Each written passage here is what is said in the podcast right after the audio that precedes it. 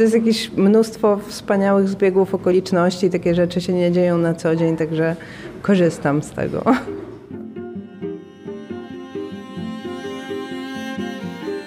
To jest Drozdowisko, czyli autorski podcast Teresy Drozdy, zajmujący się kulturą w niemal wszystkich jej przejawach. Jest 29 lutego 2024 roku. Dzień dobry. Biję się z myślami, od czego zacząć dzisiejszy odcinek, który poświęcony jest tym wspaniałym zbiegom okoliczności, czyli prapremierze pewnej sztuki, która to sztuka kilka dni temu po raz pierwszy pokazana została w Pradze, a dokładnie na jednej ze scen Teatru Narodowego. Zaś, co w tym wszystkim najważniejsze, jej autorką jest polska dramaturżka Maria Wojtyszko. Myślę, mm, myślę, myślę, myślę szybko. No dobra, chyba jednak zaczniemy e, od emocji. Także też wstęp nagrany w Pradze będzie. Praga a ze mną w kawiarni, bo siedzimy przy kawie, Maria Wojtyszko, z którą spotykamy się e, na gorąco, bo 22 lutego 2024 roku w Pradze, w Teatrze Narodowym, odbyła się pra-premiera sztuki, którą Maria Wojtyszko e, napisała. Witaj, dzień dobry. Dzień dobry. Cieszę się bardzo, że się możemy spotkać w Drozdowisku e, po prawie dwóch latach, bo pamiętam, że rozmawialiśmy tutaj o Macbecie, którego razem z Kubą Croftą przygotowywaliście na e, festiwal szekspirowski. No a teraz ta premiera w Teatrze Narodowym. To najpierw mi opowiedz, co czujesz e, dzisiaj, no, kilkadziesiąt godzin po tej prapremierze? O matko, czuję, e, czuję zmęczenie duże, i, ale też dużą ulgę, no bo to jednak e, było, było dosyć duże wyzwanie dla mnie. Też dlatego, że ja zwykle właśnie pracuję z Kubą Croftą, który jest też moim mężem i mam duży wpływ na to, jak, jak wygląda spektakl w trakcie premiery i też wiem, czego się po Kubie spodziewać i po prostu no, czuję się dużo, dużo bezpieczniej. Natomiast tutaj pracowałyśmy z młodą reżyserką Aniczką Klimeszową, która niedawno skończyła szkołę. Jest wspaniała, jakby było, było bardzo fajnie, natomiast e, jest to dla mnie o wiele bardziej stresująca sytuacja niż normalnie. Mhm. Zmęczenie, y, ale jakaś duma, jakaś frajda, jakaś radość? A tak, no to oczy, oczywiście, że tak, bo y, to znaczy jakby już sam, sam fakt, że Teatr Narodowy w Pradze zamówił u mnie sztukę, y, po prostu nową sztukę. Ja jestem szczęśliwa już od półtora roku, czy nie wiem jak długo nad tym pracujemy, pracowaliśmy.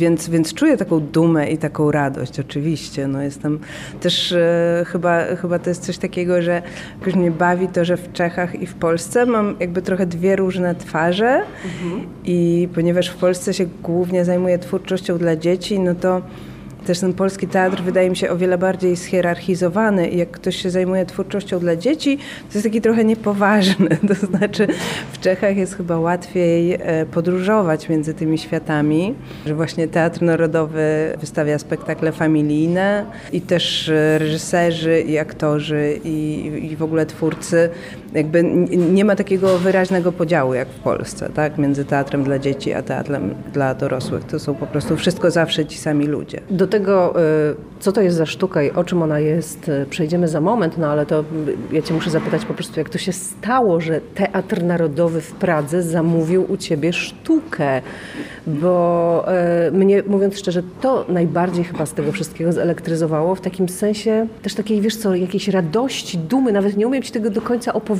ale jakoś obserwuję te, nazwijmy to, relacje czesko-polskie, właśnie głównie na niwie kultury, i też widzę, że to się dzieje nie na takim poziomie czysto instytucjonalnym, że tutaj jedna instytucja umawia się z drugą, potem te instytucje delegują artystów, którzy realizują taki czy inny projekt, który te instytucje wymyśliły. Tylko, że to się dzieje na, po prostu na takim poziomie, że ktoś się czymś zachwyci, ktoś kogoś poznał, zróbmy coś razem. Jestem ciekawa, jaką drogą to się działo tutaj, no bo, no bo e, poprzeczkę powiesiłaś jakoś szalenie wysoko, mam wrażenie, że Teatr Narodowy w Pradze. No, może nie ja tą poprzeczkę powiesiłam, tylko właśnie dyrektorzy artystyczni teatru, którzy są tutaj od niedawna. To są ludzie w moim wieku, czyli jakby w moim umyśle po prostu młode chłopaki, mm -hmm. czyli Lukasz Terpiszowski i Martin Kukuczka, którzy oni tworzą taki duet dramaturgiczno-reżyserski i są, i są właśnie nowymi dyrektorami Teatru Narodowego.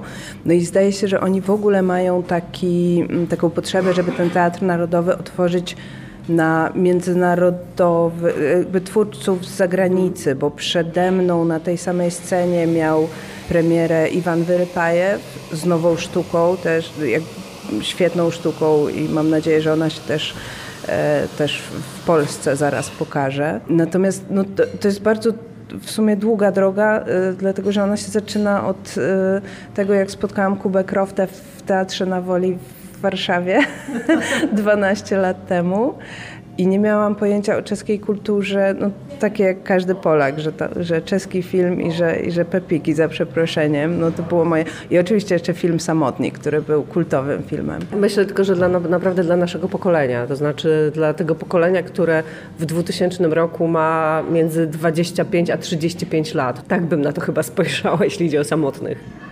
Tak, tak, ale, ale bardzo, bardzo pamiętam ten film i dlaczego ja go wspominam?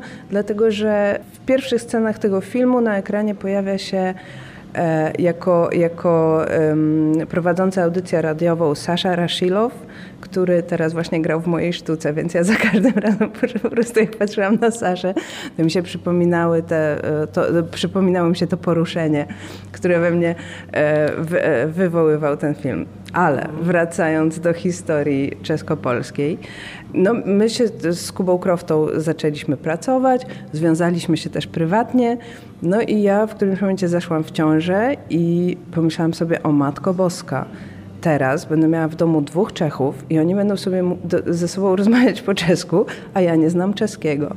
Więc wymyśliłam taki sposób, co, jak to najlepiej zrobić. A ponieważ pracujemy w teatrze, to to jest tak, że w teatrze jak człowiek przychodzi i siedzi na tych próbach, to uczy się na pamięć. Ja powiedziałam, Kuba, od teraz musimy zacząć robić w Czechach. I y, Kuba to załatwił. Ja właśnie będąc w połogu y, jakoś absolutnie napisałam pierwszą moją sztukę dla czeskiego teatru, bardzo takiego ofowego. To się nazywało Język Obcy. Było o takich sto stosunkach właśnie polsko-czesko-węgiersko-słowackich, taki wyszehradzki temat. No i zrobiliśmy tę sztukę i ja wtedy w ogóle nie mówiłam, ale pamiętam właśnie, że Łukasz Terpiszowski, który teraz jest w Teatrze Narodowym, przyszedł na tę sztukę i ona mu się bardzo podobała. Mhm. E, no i potem, kiedy właśnie e, Terpiszowski i Kukuczka zostali dyrektorami artystycznymi w kolejnym e, praskim teatrze, czyli w Dziwadlo w Louhe, to nas zaprosili, żebyśmy z Kubą tam zrobili kolejny tekst i tak to poszło. Mhm. I teraz... Czyli trochę to, co mówiłam, to znaczy jednak nie instytucje sobie coś wymyśliły na poziomie, nie wiem, właśnie ministerialno jakimś, tylko relacje międzyludzkie i wzajemne do siebie zaufanie. Tak, tak, no to jednak trwało, trwało lata i też, mhm. no oczywiście jakby mm, Kukuczka i Terpiszowski są, są odpowiedzialni za, za program też z, z takiego, z takiego poziomu instytucji, mhm. natomiast... No tak, no, zarządzają ogromną instytucją, jaką jest Teatr Narodowy, który ma kilka scen e, i całą masę powinności, tak samo jak Teatr Narodowy w Polsce. No. Tak, tak, tak. No ale, ale właśnie to tak, to tak szło. Zresztą, e, ponieważ oni są też w ogóle wspaniałymi twórcami teatralnymi, to nam się udało ich, e, jak jeszcze nie byli tak bardzo zajęci, zaprosić do, e, do teatru, w którym my pracujemy, czyli do Wrocławskiego Teatru Lalek. I oni zrobili u nas przepiękny spektakl na podstawie baśni Andersena przepiękny. I to miało niestety premierę w pandemii, więc e, troszeczkę tak medialnie nie, e, nie, nie, miało takiego rozgłosu medialnego, ale... Ale jest dalej w repertuarze? Jest w repertuarze i naprawdę polecam, dlatego że no, to, to jest para w tej chwili chyba najważniejszych twórców teatralnych czeskich e, i e, nie ma ich spektaklu w repertuarze Teatru Narodowego w Warszawie, ale mamy go w WTL-u, także ja jestem z tego bardzo zadowolona. Czyli co? Oni do ciebie przyszli i powiedzieli Marysia, to napisz nam sztukę. Chyba było tak, że mm, ponieważ oni uczą w szkole, czy tam uczyli, zanim zostali dyrektorami. I mieli bardzo uzdolnioną studentkę, właśnie Aniczkę Klimeszową, E, to najpierw postanowili, że dadzą Aniczce szansę zrobienia właśnie dużego spektaklu na dużej scenie, a potem zaczęli szukać jakiejś osoby, która, e, która ten tekst napisze. No i ja im jakoś tak automatycznie e, przyszłam do głowy, też właśnie dlatego, że, że już znali moją twórczość, czy głównie dlatego. I teraz przechodzimy do tego, tak naprawdę czym jest, czy też o czym jest e, e, ten spektakl, który napisałaś. Nie podałyśmy jeszcze jego e, tytułu. On się po czesku nazywa Jeszcze chwilku, a po polsku Jeszcze chwilkę. I tu na chwilkę przerwę naszą kawiarnianą pogawędkę z Marią Wojtyszko, bo skoro już wiemy, wiecie, jak to się stało, że Teatr Narodowy w Pradze zamówił u niej sztukę, warto chyba przybliżyć choć trochę jej tematykę. To przepiękna, czarodziejska, oniryczna, wielopoziomowa opowieść. Zaczyna się bardzo zabawnie. Dwie główne bohaterki, mocno posunięte już w latach siostry, które mają na imię Wiera i Kwieta, spóźniają się do teatru. Wchodząc na widownię, robią tyle zamieszania, że dyrygent, który już stoi na scenie, przerywa uwerturę. A to jest uwertura do opery Rusałka Antonina Dworzaka. No i zaczyna z nimi jakoś dyskutować, a do tej dyskusji po chwili włącza się też, mm, wyskakując za kurtyny, aktorka grająca Rusałkę. No i po krótkiej, takiej dosyć zabawnej awanturze obie damy ostatecznie siadają na widowni i usypiają, by we śnie przenieść się na scenę. No i dalsza część tej fabuły to jest y, taka ich podróż przez kulisy teatru, w których objawiają się, no po pierwsze, bardzo różni bohaterowie, i tacy realni, i zupełnie nierealni, no ale przede wszystkim pojawiają się też lęki, pragnienia, tęsknoty i tych bohaterów, i bohaterek. Okazuje się bowiem, że siostry w dzieciństwie zostały porzucone przez ojca, który tak bardzo kochał teatr, że to teatrowi właśnie, a nie własnym dzieciom postanowił poświęcić życie. Nie chcę tej fabuły jakoś tak bardzo detalicznie opowiadać, chociaż mogłabym, ponieważ e, w programie do tego spektaklu cały tekst jest umieszczony. To jest w ogóle coś, za co bardzo e, kocham czeskie programy teatralne, ponieważ e, można w nich znaleźć teksty granych sztuk. No ale chcę tylko zaznaczyć, że ta rusałka nie jest jedynym nawiązaniem do e, historii i tej sceny budynku Stawowskiego Diwadla i czeskiego, czechosłowackiego teatru w ogóle. W sztuce między innymi pojawia się, no bo nie może być przecież inaczej, Mozart, zwany tutaj Wolfim, a przypomnę, że premiera jego Don Giovanniego odbyła się właśnie w Stawowskim Dziwadle, znaczy prapremiera 29 października 1787 roku. Jest też na scenie Hugo Haas, aktor czeski, czechosłowacki aktor żydowskiego pochodzenia, który grał między innymi w głośnych i bardzo ważnych sztukach Karela Czapka, zresztą jedna z tych sztuk, czyli Rur, czyli ta sztuka o robotach, e, też jest e, w tym spektaklu, w tej historii przywoływana, a sam Hugo Haas żył w latach 1901-1968. Cała inscenizacja jest w ogóle bajecznie teatralna i jednocześnie teatr dekonstruująca. Te magiczne stwory, które się przez scenę przewijają, to jest na przykład fenomenalne wprost, po prostu ucieleśnienie tremy, ale jest też, e, biorę to w cudzysłów, zupełnie zwyczajny smok. Scena się kręci kręci, odsłaniając iluzyjność tego spektaklu, snu, a jednocześnie uwypuklając jego tajemniczość i magnetyzm. E, jak powiedziałam, to jest wielopoziomowa bardzo opowieść i ona się realizuje i w tych odniesieniach kulturowych i historycznych, o których wspomniałam i które uwielbiam po prostu, ale też w możliwościach, jakie daje interpretacja historii samych bohaterek, tych głównych bohaterek, tego jak są pokazane, bo to jest spektakl będący w zamyśle sztuką familijną, więc dostarcza pretekstów do refleksji i na temat relacji dzieci i rodziców, i wyboru priorytetów życiowych, i rozmowy o starości i o śmierci, i rozmowy o teatrze i sztuce, i pewnie jeszcze parę innych tematów by się znalazło.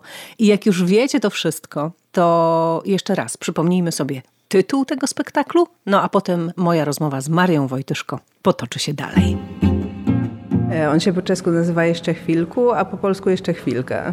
Ale nie ma jeszcze swojej polskiej wersji e, teatralnej, tym bardziej, że gdybyś go chciała, czy gdybyście go z Kubą chcieli na przykład zrobić w jakimś polskim teatrze, to jego, trzeba by go chyba trochę przeadaptować, dlatego że to, co jest jeszcze fascynujące absolutnie w tym spektaklu, w tym tekście, to to, że on jest bardzo mocno wpisany w historię w ogóle czeskiego teatru i czeskiej kultury. Tam się pojawiają e, cytaty, nazwiska z takiego kanonu kultury e, czeskiej właśnie. To znaczy tak, bo Teatr Narodowy w Pradze, on ma trzy, trzy różne siedziby i e, nasz spektakl e, ma miejsce w tej najstarszej siedzibie i zdaje się, e, nie chcę teraz pomylić, ale wydaje mi się, że to jest najstarszy działający teatr w Europie.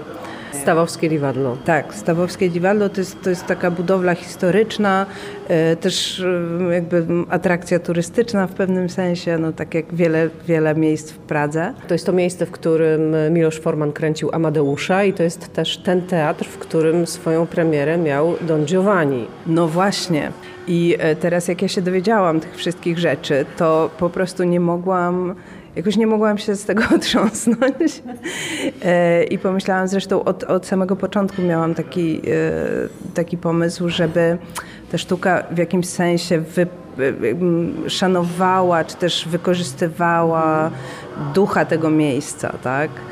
Bo myślę, że to jest ważne, to znaczy waż, ważne jest zrozumienie, gdzie się jest bo zdarzało mi się oglądać spektakle też na tej scenie jeszcze za poprzedniej dyrekcji, które próbowały jakby siłować się z tą historycznością i nakładać się na nią. I takie spektakle, które, które mm, próbowały być bardziej nowoczesne niż to miejsce i to nigdy nie wychodziło. Po prostu no, nie, nie można walczyć z miejscem, w którym się jest.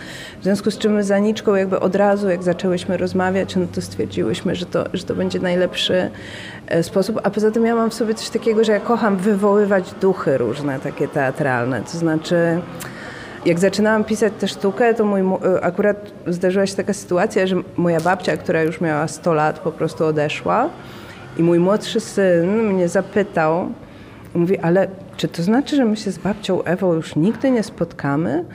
Ja mówię, no nie, niestety nie. Ale ponieważ mój syn jest chowany w teatrze, to mówi, no chyba, że na scenie, ponieważ dla niego jest absolutnie naturalne, że scena teatralna to jest jedyne miejsce, gdzie właściwie wszyscy mogą sobie być razem, i duchy, i żywi, i tak dalej. Mnie to jakoś strasznie poruszyło. E, I pomyślałam sobie tak, że tak dokładnie o tym jest teatr. To znaczy, że, że my możemy spotkać osoby, które odeszły, możemy jakoś, się, jakoś sobie poradzić z tematami, których, których nie poruszaliśmy do tej pory. No i tak, nie wiem, czy odpowiedziałam na Twoje pytanie. No, ale to, to, jest, myślę sobie też o tym spektaklu, że on jest e, taką historią, którą tak naprawdę mógłby napisać sobie każdy teatr w każdym mieście i w każdym kraju, ponieważ e, to jest sztuka, która z jednej strony dekonstruuje teatralność i teatr i właśnie odkrywając pogłębia to jego magiczne działanie, bo ona trochę tak jest e, skonstruowana i ja ją też trochę tak przeczytałam. E, a z drugiej strony, e, no właśnie, będąc tutaj, fascynujące są te wszystkie wątki, cytaty, do których się odwołujesz i które przywołujesz jako właśnie duchy miejsca, duchy historii, kanon kultury, no bo to, prawda, można też na bardzo różnych poziomach o tym mówić. No tak, no przy czym oczywiście to jest tak, że, że to nie jest główny temat tej sztuki i ja sobie po prostu, ja się trochę bawię. Mm -hmm. no, znaczy... Ale też o tym jest teatr, tak? tak, tak, że bawię się w to, w pokazywanie tej, tej mechaniki teatru, ale też, też jakby w to, co jest poważne, a co jest niepoważne, że, że ten teatr to jest takie miejsce, w którym się jakoś niesamowicie przenikają mm, przenikają jakieś wielkie dramaty z czymś takim zupełnie głupim. i, z takim błaznowaniem trochę.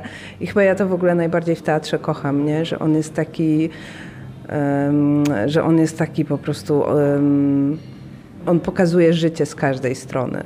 Znaczy, z jednej strony mamy w głównych rolach e, dwie, dwie starsze aktorki, wybitne, uznane i tak dalej, ale druga strona tego jest oczywiście taka, że to są starsze panie i, i, e, i też to, że, że inaczej się z nimi pracuje i że trzeba uszanować to, że są zmęczone że czasami po prostu aż przysną na omówieniu, bo to, bo to są ludzie, nie? I to jest właśnie w teatrze najfajniejsze, że wychodzą na scenę i tam robią różne rzeczy, ale, ale jest ta druga strona taka ludzka i taka, taka, taka może nie, nie heroiczna. No.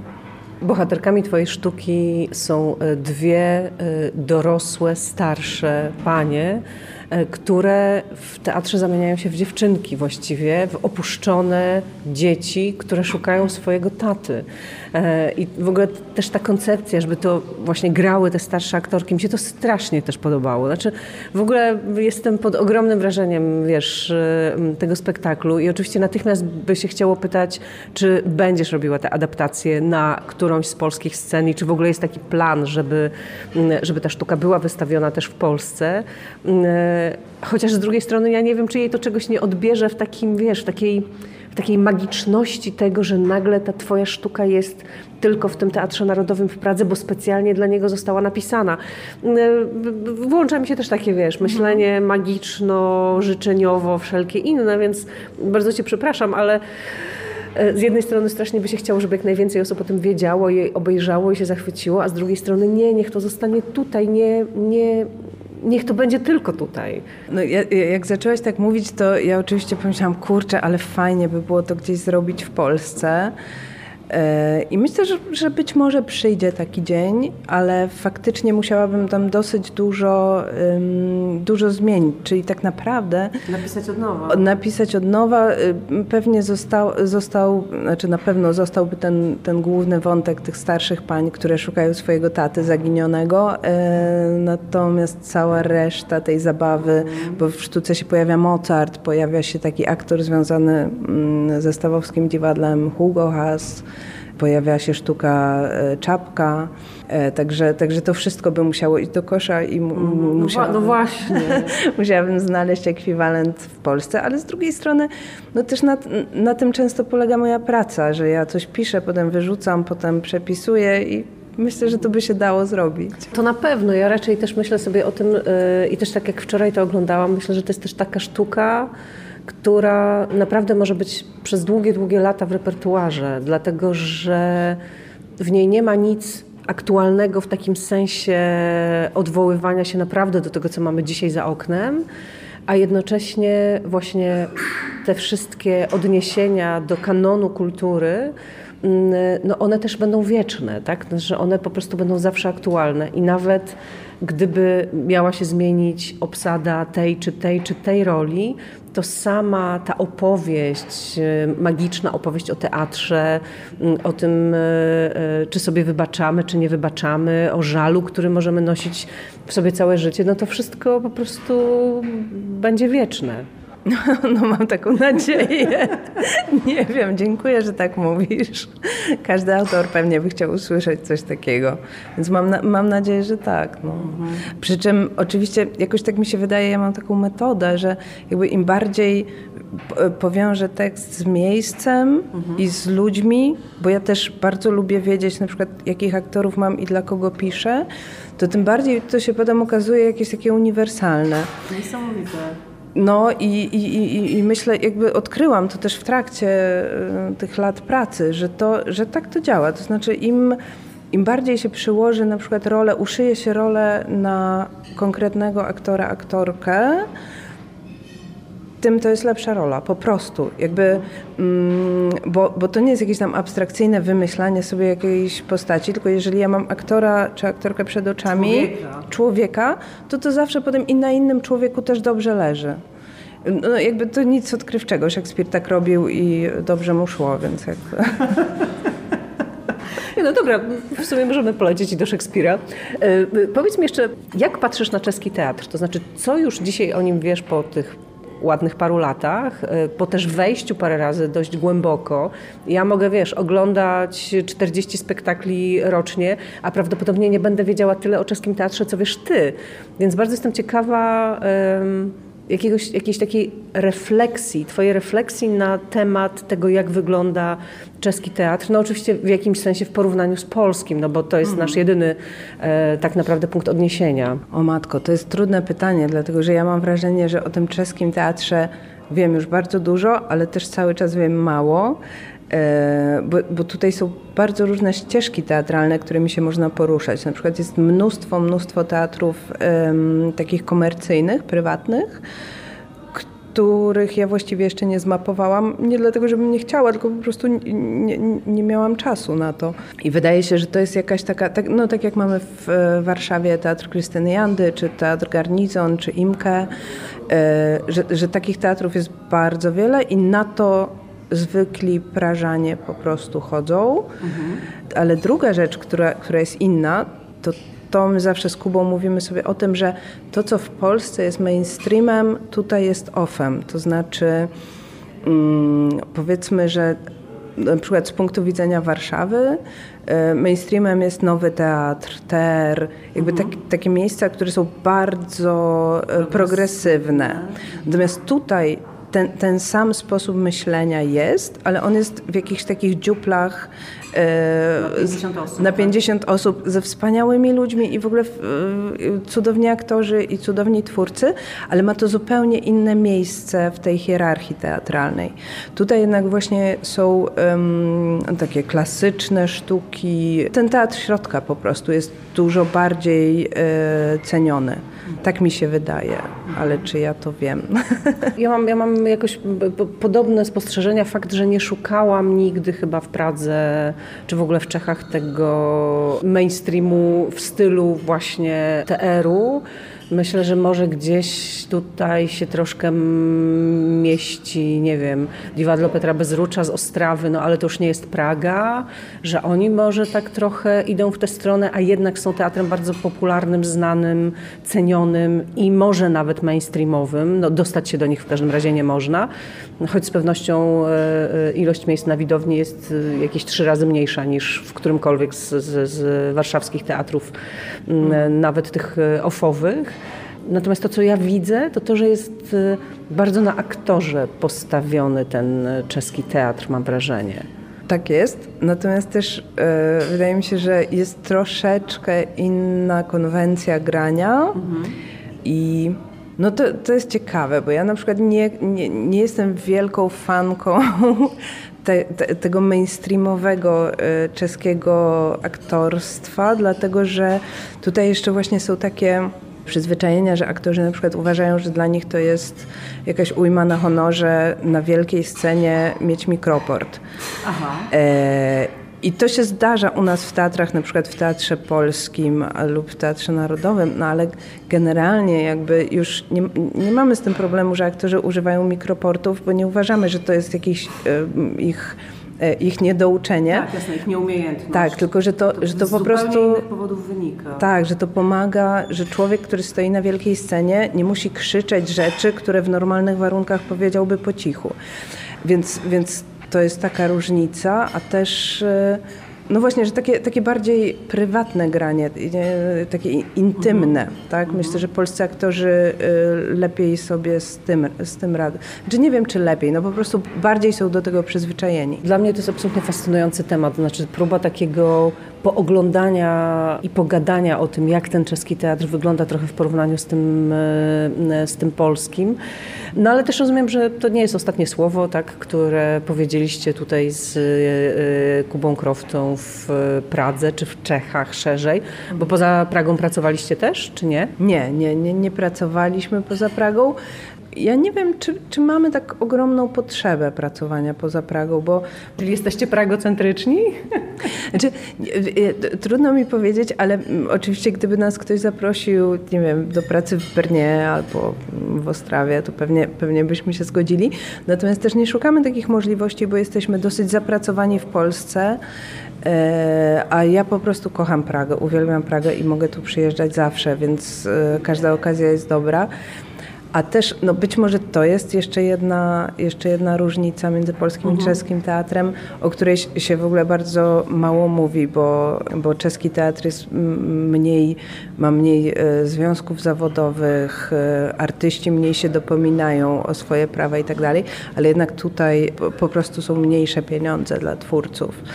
I zdarzały się takie sytuacje, że, że nie wiem, pracowaliśmy z aktorką, która jest świetną aktorką i wybitną, no ale ona normalnie będąc na etacie w miejskim teatrze yy, musi tam co jakiś czas iść do knajpy yy, jako kelnerka, żeby dorobić. E, więc no, no, też nie ukrywam, że e, dla nas przy, przyjeżdżanie do, do Czech i, i praca tutaj to jest zawsze trochę taki, no tak wychodzimy na zero. Jasne. Może to się kurde bierze z tego dziwnego sposobu funkcjonowania, dla mnie bardzo dziwnego funkcjonowania sposobu czeskich teatrów, czyli tego, że jeżeli w repertuarze teatru jest 15 sztuk, to wszystkich 15 sztuk jest zagranych prawdopodobnie w jednym miesiącu, ponieważ oni grają jeden dzień, jedną sztukę, a jutro grają już następną, a pojutrze grają następną, czyli żeby wcelować w ogóle, żeby cokolwiek obejrzeć, to nie możesz przyjechać na trzy dni do Pragi z nadzieją, że zobaczysz jakieś przedstawienie, a jak go nie zobaczysz w piątek, to je zobaczysz w sobotę, bo tutaj po prostu to się nie dzieje. E, I dla mnie to jest, to jest ta naj, w ogóle największa różnica między polskim a czeskim teatrem, że oni grają po prostu, nie mają setów tak zwanych, co jest u nas, mhm. nie? Że... Tak, tak. No w ogóle wydaje mi się, że, że e, jakbym tak miała powiedzieć, to higiena pracy jednak w Polsce jest o wiele lepsza, dlatego że właśnie y, u nas się gra tymi tak zwanymi setami, czyli tam, nie wiem, 3, 4, 5 spektakli w jednym ciągu.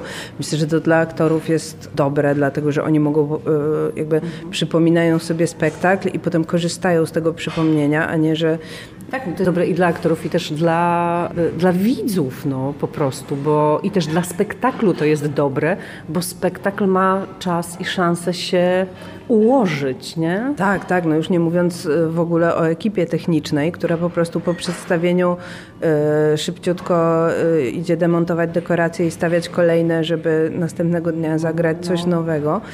I jeszcze jest jedna rzecz dla mnie absolutnie zadziwiająca e, tutaj w Czechach, bo my w Polsce mamy tradycyjnie wolne poniedziałki, to znaczy my, mówię, aktorzy e, i, i jakby i e, ekipa twórcza, nie mówię o biurach teatru, ale tutaj nie ma czegoś takiego. To znaczy zdarza się taka sytuacja, że po prostu aktorzy mają próby od poniedziałku do piątku, w sobotę i w niedzielę grają i po prostu nie ma dni wolnych. Także gdybym tutaj mieszkała, to bym e, podburzała czeskie środowisko teatralne do jakiejś rewolucji, bo to naprawdę jest bardzo ciężka praca i dosyć słabo wynagradzana, no i też, e, no nie wiem, no tak jakoś nikt nie zwraca na to uwagi, że mogłoby być lepiej. Dziękuję Ci bardzo. Maria Wojtyszko w Drozdowisku na szybko, w biegu, ale też na gorąco. Bardzo Was namawiamy na wizytę w Pradze. To zawsze, niezależnie od wszystkiego. Ale teraz też jest super motywacja do tego, żeby się wybrać do Stawowskiego Diwadla i zobaczyć sztukę jeszcze chwilka, bo też to, co jest normalne w Teatrze Narodowym, y, te sztuki są pokazywane z angielskimi napisami. Twoja też ma takie angielskie napisy. W związku z tym nie ma się co bać bariery językowej, tylko po prostu spokojnie można przyjść po pierwsze zobaczyć niesamowity teatr, bo ten teatr jest niesamowity. No a po drugie zobaczyć e, przepiękną sztukę dla młodych, nie bardzo, ale do takich młodych i dla takich trochę starszych widzów, bo tego nie powiedziałyśmy, że ona jest dozwolona dla widzów od dziewiątego roku życia. Tak, to jest taki spektakl familijny i mam, mam nadzieję, że to, że, że całe rodziny będą mogły się na tym bawić. E, I tak jak mówisz, e, w ogóle e, przyjechanie do Pragi zawsze jest dobre. Prażanie są absolutnie przyzwyczajeni do tego, że, że się nie mówi po czesku, także gdziekolwiek człowiek pójdzie, to naprawdę się do dogada i, i jest to wspaniałe i piękne miejsce. A jak człowiek lubi chodzić do teatru, to może też przyjść na sztukę moją. No musi, musi. To w ogóle powinien być patriotyczny obowiązek, wiesz? Koniecznie.